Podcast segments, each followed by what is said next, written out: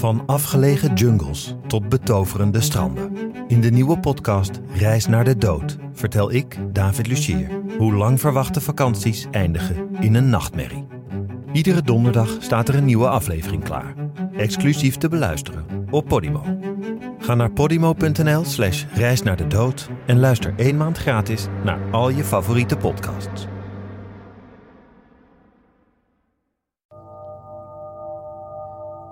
Moorden in het Noorden, aflevering 5, Bonnie en Clyde. Juha weet dat hij anders is dan anderen. Hij, hij wijkt af. Maar je zou ook net zo goed kunnen zeggen, hij is een psychopaat. Zijn vriendin Marita weet dat ook. Samen gaan ze eind jaren 80 op pad. Misdrijven in heel Scandinavië volgen en drie mensen zullen overlijden. Niet alleen de politie zit Juha en Marita op de hielen, maar ook pers en het publiek. Iedereen volgt de zaak op de voet. De twee worden al gauw de Bonnie en Clyde van het noorden.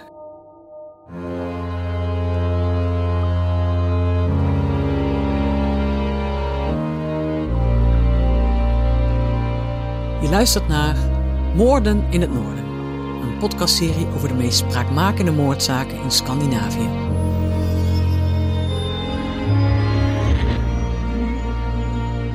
Ons verslag van deze zaken is gebaseerd op bronnen die zich in het publieke domein bevinden, zoals interviews, persberichten en rechtbankverslagen.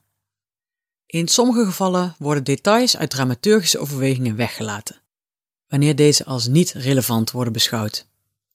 We willen erop wijzen dat onze podcastserie gewelddadige fragmenten kan bevatten die als schokkend kunnen worden ervaren. Wat je hoort is een waar gebeurd verhaal onderzocht en opgeschreven door Emiel Hansen en Barbara Gjerhoff Nieuwholm. En verteld door mij, Hanneke Hendricks. Marita is 17 jaar oud als ze Juha leert kennen. Juha is een paar jaar ouder dan Marita en een echte rebel. Ze komen beide uit Pori, een stad met 85.000 inwoners in het zuidwesten van Finland. Het straatbeeld van de jaren 80 wordt gekenmerkt door in pasteltinten gehesen popfans, met gefeunde kapsels en juppen in dure pakken met veel te veel gel in hun haar. Maar Juha is anders. Hij gaat altijd in het zwart gekleed en draagt zijn warrige zwarte haren tot over zijn schouders. Zijn droom om punkmuzikant te worden blijft onvervuld, maar in zijn hart is hij nog altijd een provocateur, gefascineerd door alles wat gevaarlijk en vooral verboden is. Steeds weer raakt Juha in de problemen met de politie. Thuis, in Finland, maar ook aan de andere kant van de grens, in Zweden, waar hij zelfs in de gevangenis heeft gezeten.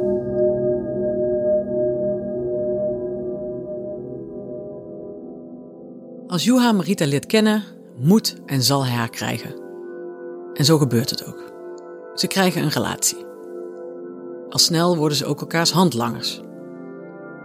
Samen jatten ze dure en snelle auto's waarmee ze roekeloos rondrijden en samen roven ze huizen en winkels leeg.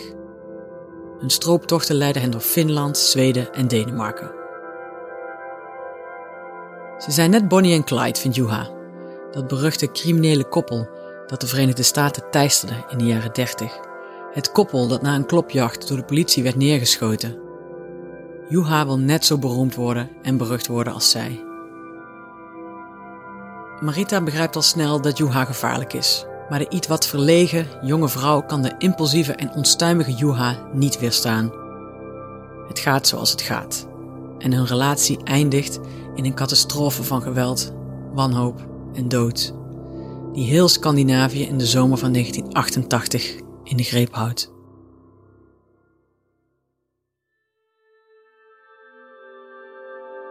Als kind woont Juha een tijdje met zijn moeder in het zuiden van Zweden.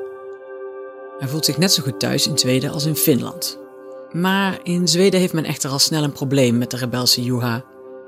Nadat hij daar samen met Marita in 1987 meerdere keren wordt opgepakt wegens inbraak en autodiefstal, wordt hen beiden een inreisverbod van 10 jaar opgelegd.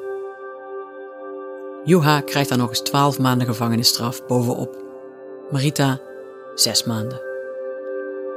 Dit is de kans voor Marita om het uit te maken met Juha. Na drie jaar heeft Juha's onstuimigheid voor haar alle glans en romantiek verloren. Zijn chagrijnige buien en opvliegendheid maken hem onberekenbaar. Als Juha opzettelijk een motorrijder van de weg drukt, beslist Marita dat het tijd is om hun relatie te verbreken.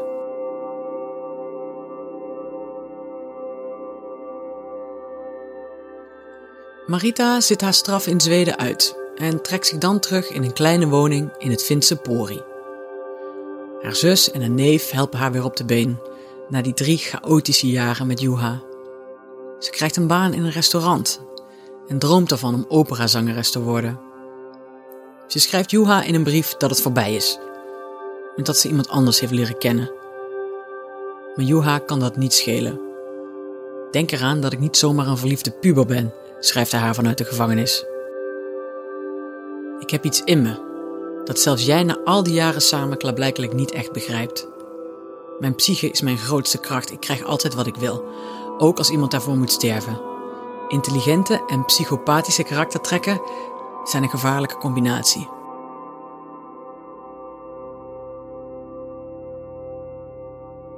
Juha wordt op 1 mei 1988 vrijgelaten. Hij stilt een auto en staat een paar dagen later bij Marita voor de deur. Haar nieuwe vriend heeft het kort daarvoor uitgemaakt. Hij heeft geluk gehad en Marita zelf ook, want als Juha ze samen aangetroffen had, dan was hij gedwongen geweest ze allebei te vermoorden, zo vertelt hij haar. Marita is net 20 geworden. Juha is bijna 23 en heeft grote plannen voor hen beiden. Voor hun gezamenlijke toekomst hebben ze geld nodig. Genoeg geld om te kunnen verdwijnen, zegt hij vastberaden. Naar een plek, ergens aan de Middellandse Zee, waar altijd de zon schijnt. Marita laat zich overhalen en gaat met Juha mee op reis. Ze heeft hem nog nooit iets kunnen weigeren. Het zal hun laatste reis samen zijn en daarmee treden ze in de voetsporen van Bonnie en Clyde, precies zoals Juha het altijd voor zich heeft gezien.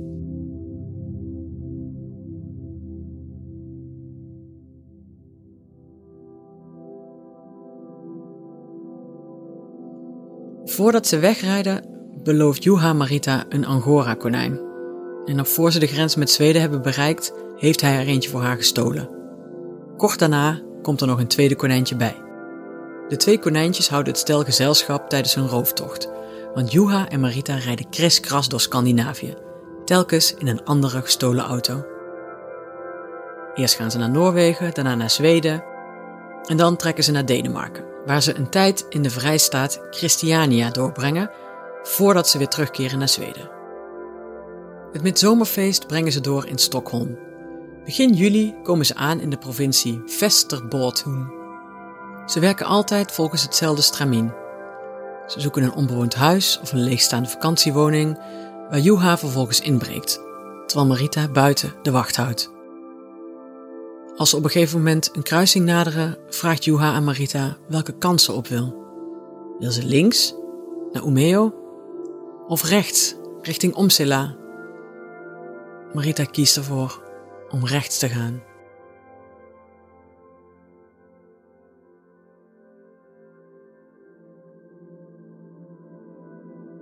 Juha heeft geen broers of zussen. Als kind ziet hij zijn vader nauwelijks en zijn moeder kan hem maar moeilijk in toom houden. Hij is hyperactief en heeft vaak last van extreme woedeuitbarstingen. Hij wisselt vaak van school en steeds weer wordt hij door de andere jongens gepest, omdat hij zo klein is. Maar Juha gedraagt zich niet als een typisch slachtoffer. Hij slaat terug en is niet bang daarin veel verder te gaan dan de anderen. Uiteindelijk treitert hij de jongens die hem pesten net zo lang tot ze hem op hun knieën om genade smeken. Op zaterdag 2 juli 1988 komen Juha en Marita aan in het dorpje Omsilla. Juha is zowaar in een goede bui. In hun gestolen saap delen ze een zak chips, een fles sterke drank en een paar biertjes.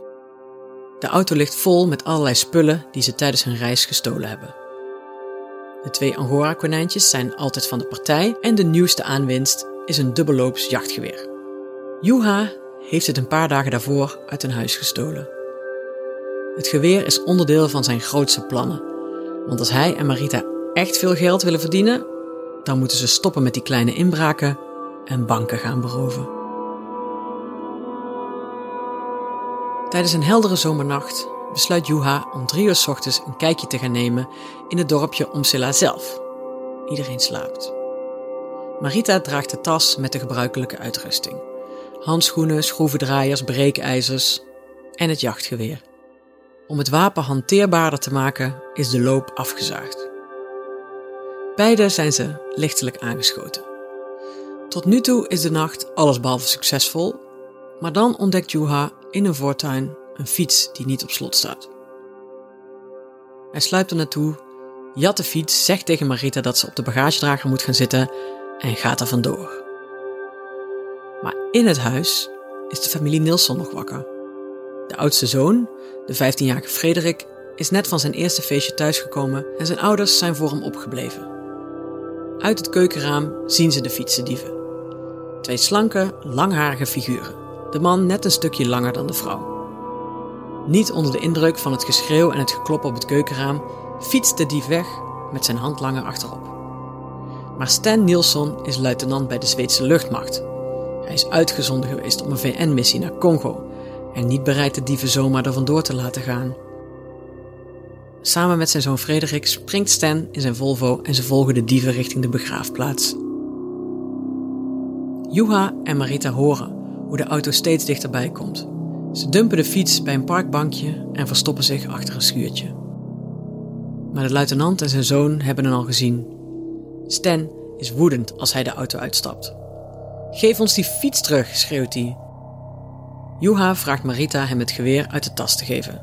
Hij komt uit zijn schuilplaats tevoorschijn en verspert vader en zoon de weg. Nilsson ziet het wapen en bindt in. Hij zegt dat hij de politie al heeft gebeld en dat hij gewoon die fiets terug wil. Maar Juha spant het geweer en komt nog een stukje dichterbij. Hij richt het wapen op vader en zoon en beveelt ze op hun knieën te gaan zitten. Smeek om genade, zegt hij. Hij staat nog geen meter van hen af. Dan schiet hij.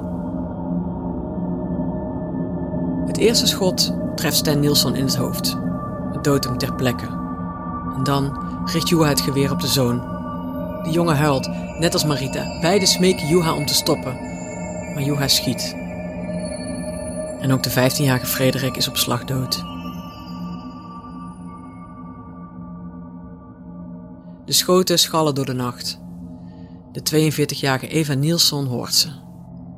Zij is thuisgebleven omdat Frederiks jongere broertje samen met een schoolvriend in een tent in de tuin slaapt. Maar zodra ze de knallen hoort, springt ze op de fiets en snelt in de richting van het geluid. Juha trekt de huilende Marita met zich mee naar de gestolen saap. Hij wil er snel vandoor, maar de auto wil niet starten en dus staan ze er nog als Eva Nielsen komt aanrijden op zoek naar haar man en haar zoon. Ze stapt af en klopt op het raam. Juha trapt de deur van de auto zo hard open dat Eva van haar fiets geduwd wordt. Hij springt bovenop haar en begint haar te slaan en te schoppen. Hij roept naar Marita dat ze het jachtgeweer moet laden, maar dat krijgt ze niet voor elkaar. Als het te lang duurt, trekt Juha het wapen uit haar handen en begint met de kolf in te slaan op Eva, die nog steeds op de grond ligt. Uiteindelijk pakt hij zijn Samische jachtmes en begint haar te steken. Eva Nilsson wordt stervend op straat achtergelaten.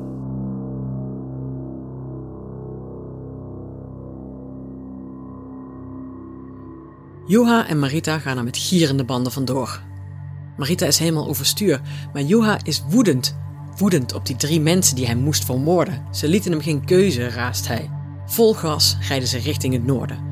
Tot Juha na een half uur de controle over het stuur verliest en tegen een elektriciteitsmast botst. De saap is totaal los. Maar Marita en hij zijn ongedeerd. Ze laten de auto achter en rennen weg, op zoek naar een vervangend voertuig. Na een kilometer lopen vinden ze in een klein dorp een nieuwe auto. De sleutel zit er nog in. Juha wil snel verder, maar Marita weigert. Ze kan het niet verkroppen dat ze de twee konijntjes in de saap hebben achtergelaten. Ze staat erop om ze te gaan halen.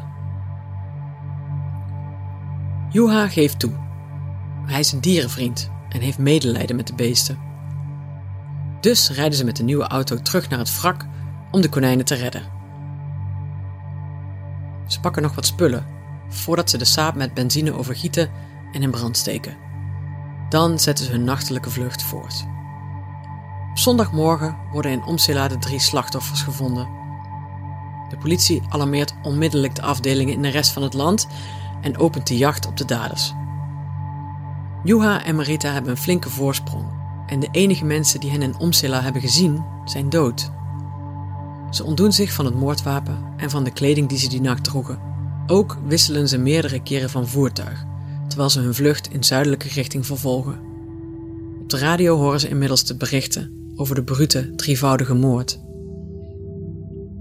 De politie heeft geen idee wie Stan, Eva en Frederik Nielsen zou kunnen hebben vermoord. Maar al snel wordt er een verband gelegd met de deels uitgebrande saap. Wanneer er zo 50 kilometer van Omsila een Honda als gestolen wordt opgegeven, begint de landelijke klopjacht. Juha en Marita zijn tegen die tijd al 500 kilometer verderop in Dalarna beland. Ze verstoppen de Honda diep in het bos en liften naar een camping die nog een stukje zuidelijker ligt. De moorden in Omsela zijn inmiddels voorpagina nieuws en Marita raakt in paniek. Ze wil terug naar Finland, maar Juha weigert haar te laten gaan. Hij zegt dat hij de konijnen zal slachten als ze niet blijft. Daar heeft hij tijdens hun reis al vaker mee gedreigd. Ook zegt hij herhaaldelijk Marita zelf te zullen vermoorden. Zo kan hij Marita altijd weer in het gareel krijgen als ze zich niet naar hem wil schikken. Na wat ze in Omsila heeft gezien, weet ze dat Juha er niet voor terugdeinst zijn dreigementen in praktijk te brengen. Geleidelijk aan lukt het de rechercheurs de reisroute van de twee in kaart te brengen, van de ene gestolen auto naar de andere. De konijnenkeuteltjes die ze in de auto's terugvinden, blijken daarbij van groot belang. Een paar dagen na de brute moorden lukt het de politie om de moordenaars van Omsila een naam en een gezicht te geven. Juha Valjakala, 23 jaar oud, en Marita Rutalami, 20 jaar oud. Allebei Fins staatsburger en bekend bij de Zweedse politie. Toen Juha en Marita een jaar geleden in Zweden werden opgepakt, vond de politie naast allerlei andere gestolen goederen een fototoestel. Op de in beslag genomen camera stond een hele rits privéfoto's van de voortvluchtigen. Een van deze foto's belandt al gauw in de kranten en de roddelbladen, die van elk gruwelijk detail in de zaak verslag doen. De jacht op het misdaadkoppel zorgt ervoor dat de oplages exploderen en foto's van Juha en Marika prijken op alle voorpagina's. Eén foto in het bijzonder, die zomaar op de albumcover van een punkband zou kunnen staan. Juha en Marita zitten op een trap. Hij kijkt met een duistere blik de camera in, helemaal in zwart gekleed en met lange, warrige haren. Daarnaast zit Marita, iets wat verlegen tegen hem aangeleund, in een minirok en met een gebreid vestje aan, parelketting om de hals. En opeens worden de twee overal gespot. Uit alle windrichtingen stromen de zichtmeldingen binnen bij de politie. Er ontstaat een macabere cultus rond het voortvluchtige stel.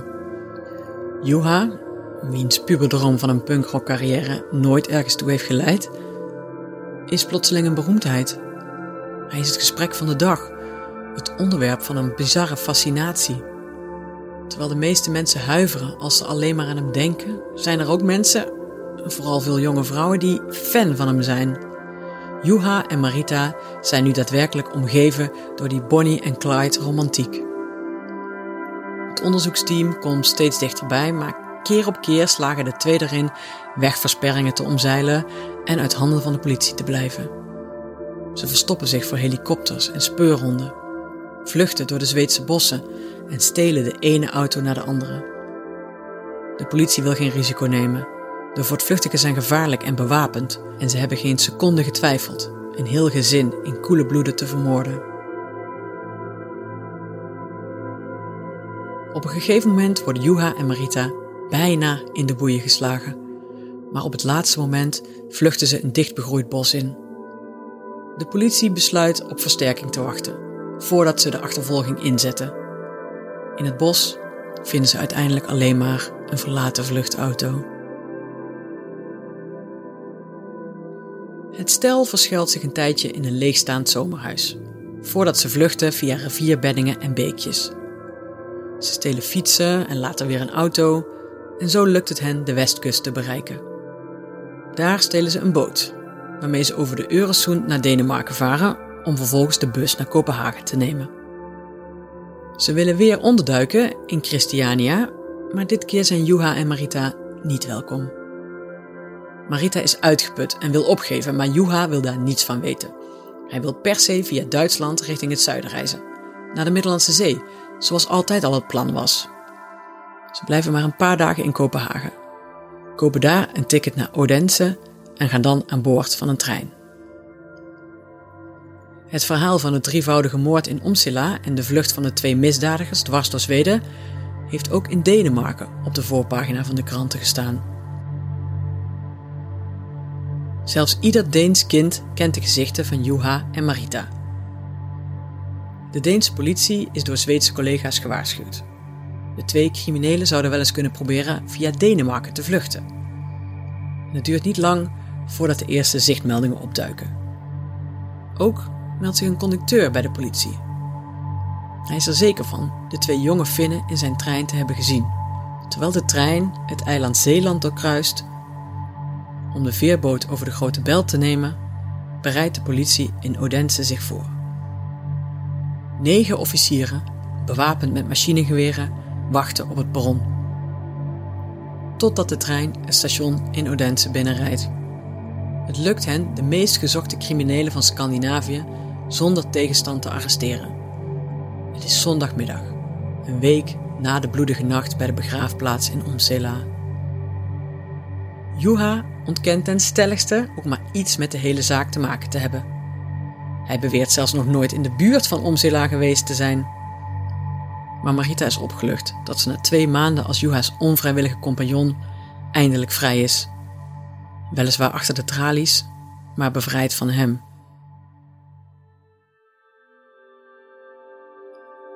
Ze worden overgedragen aan de Zweedse politie. Marita bekent alles.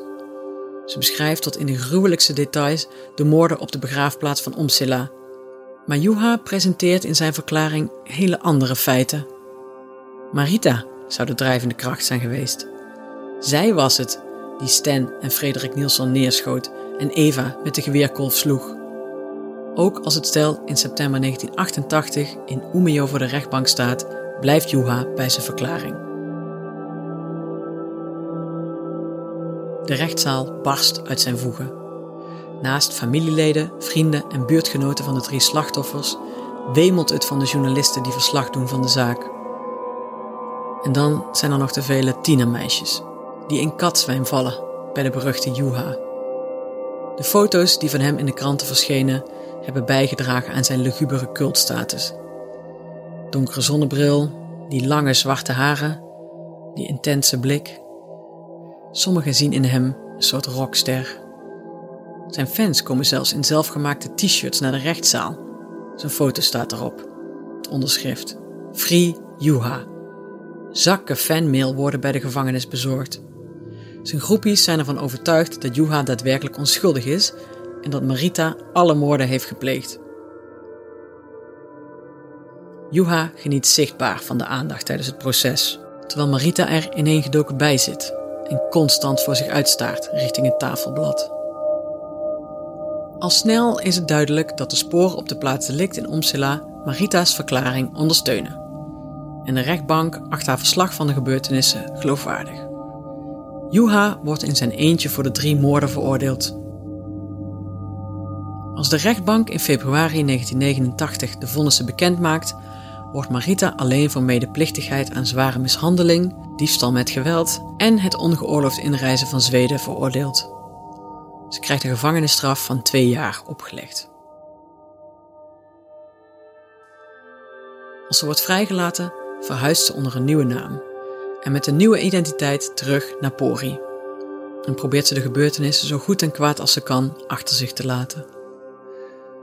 Juha krijgt een levenslange gevangenisstraf opgelegd. Psychiaters stellen een antisociale persoonlijkheidsstoornis met narcistische trekken vast. Juha zou niet in staat zijn zijn agressie te beteugelen en hij zou een gebrek aan empathie hebben. Toch wordt hij volledig toerekeningsvatbaar verklaard. Zijn gevangenisstraf ziet Juha thuis, in Finland, uit. Levenslang wordt uiteindelijk omgezet naar een straf van 20 jaar. In 2007 wordt hij voorwaardelijk vrijgelaten. Tijdens zijn tijd in de gevangenis probeert Juha meerdere keren uit te breken. In 1994 lukt het hem de Engelsdocent van de gevangenis te gijzelen en zo te ontsnappen. Maar ondanks zijn vele pogingen lukt het hem nooit lang op vrije voeten te blijven. Zijn groepies zijn hun interesse in Juha tegen die tijd al lang weer verloren. Maar toch blijft het publiek gefascineerd door de brute moorden en de twee mediagenieke hoofdpersonages. In 2006 geeft Juha een tv-interview. Dat wordt opgenomen tijdens zijn verlof. In de gevangenis heeft hij een nieuwe naam aangenomen en is hij twee keer getrouwd. Op het feit na dat hij nu voor de camera openlijk toegeeft dat hij het was die de familie Nielsen om het leven heeft gebracht, lijkt hij nauwelijks veranderd. Hij beschrijft zijn misdaden in het tv-interview als koelbloedige moorden en vertelt dat hij er nog iedere dag aan denkt. Maar van rouw is er nog steeds geen sprake. Ja, het eerste schot loste ik per en met het tweede schakelde ik een getuige uit. Zo beschrijft hij de moord op Stan Nilsson en zijn 15-jarige zoon. Ook de moeder moest sterven omdat ze een getuige was. Er kwamen steeds meer mensen. Meer en meer mensen die ik tot stilzwijgen moest brengen. Het is een geluk bij een ongeluk dat er niet nog meer zijn geweest. Zo herinnert hij zich die koelbloedige nacht in de zomer van 1988. Juha wordt in 2007 voorwaardelijk vrijgelaten. Nog geen twee jaar later belandt hij weer in de gevangenis. Voor rijden onder invloed en bedreiging. Ook tijdens deze straf onderneemt hij meerdere uitbraakpogingen. Zonder succes. En als hij uiteindelijk op vrije voeten komt, duurt het niet lang voordat hij weer wordt opgepakt. Voor brandstichting en mishandeling dit keer. Juha is ondertussen eind 40. Marita heeft in de tussentijd twee kinderen gekregen. Iedere keer als Juha vrijkomt, is ze bang dat hij haar en haar familie op een dag op het spoor zal komen. Tot nu toe heeft hij één keer contact met haar gezocht. Een paar jaar na de moorden. Toen maakte de Zweedse filmregisseur Jan Troel de film Il Capitano. Hij baseerde zijn film op het verhaal van Juha en Marita, de Bonnie en Clyde van het noorden. En Troel is niet de enige. Veel schrijvers, filmmakers, journalisten en zelfs punkbands laten zich door de moorden inspireren. Kort na de première van Il Capitano in 1991 krijgt Marita een brief van Juha. Hij wil weten of ze de film gezien heeft, maar Marita besluit hem niet te antwoorden. Ze heeft hem gezien, maar ze vindt dat de film de gebeurtenissen in Omsille verheerlijkt. Het is volgens haar geen correcte weergave wat zich tijdens die gruwelijke nacht in de zomer van 1988 heeft afgespeeld.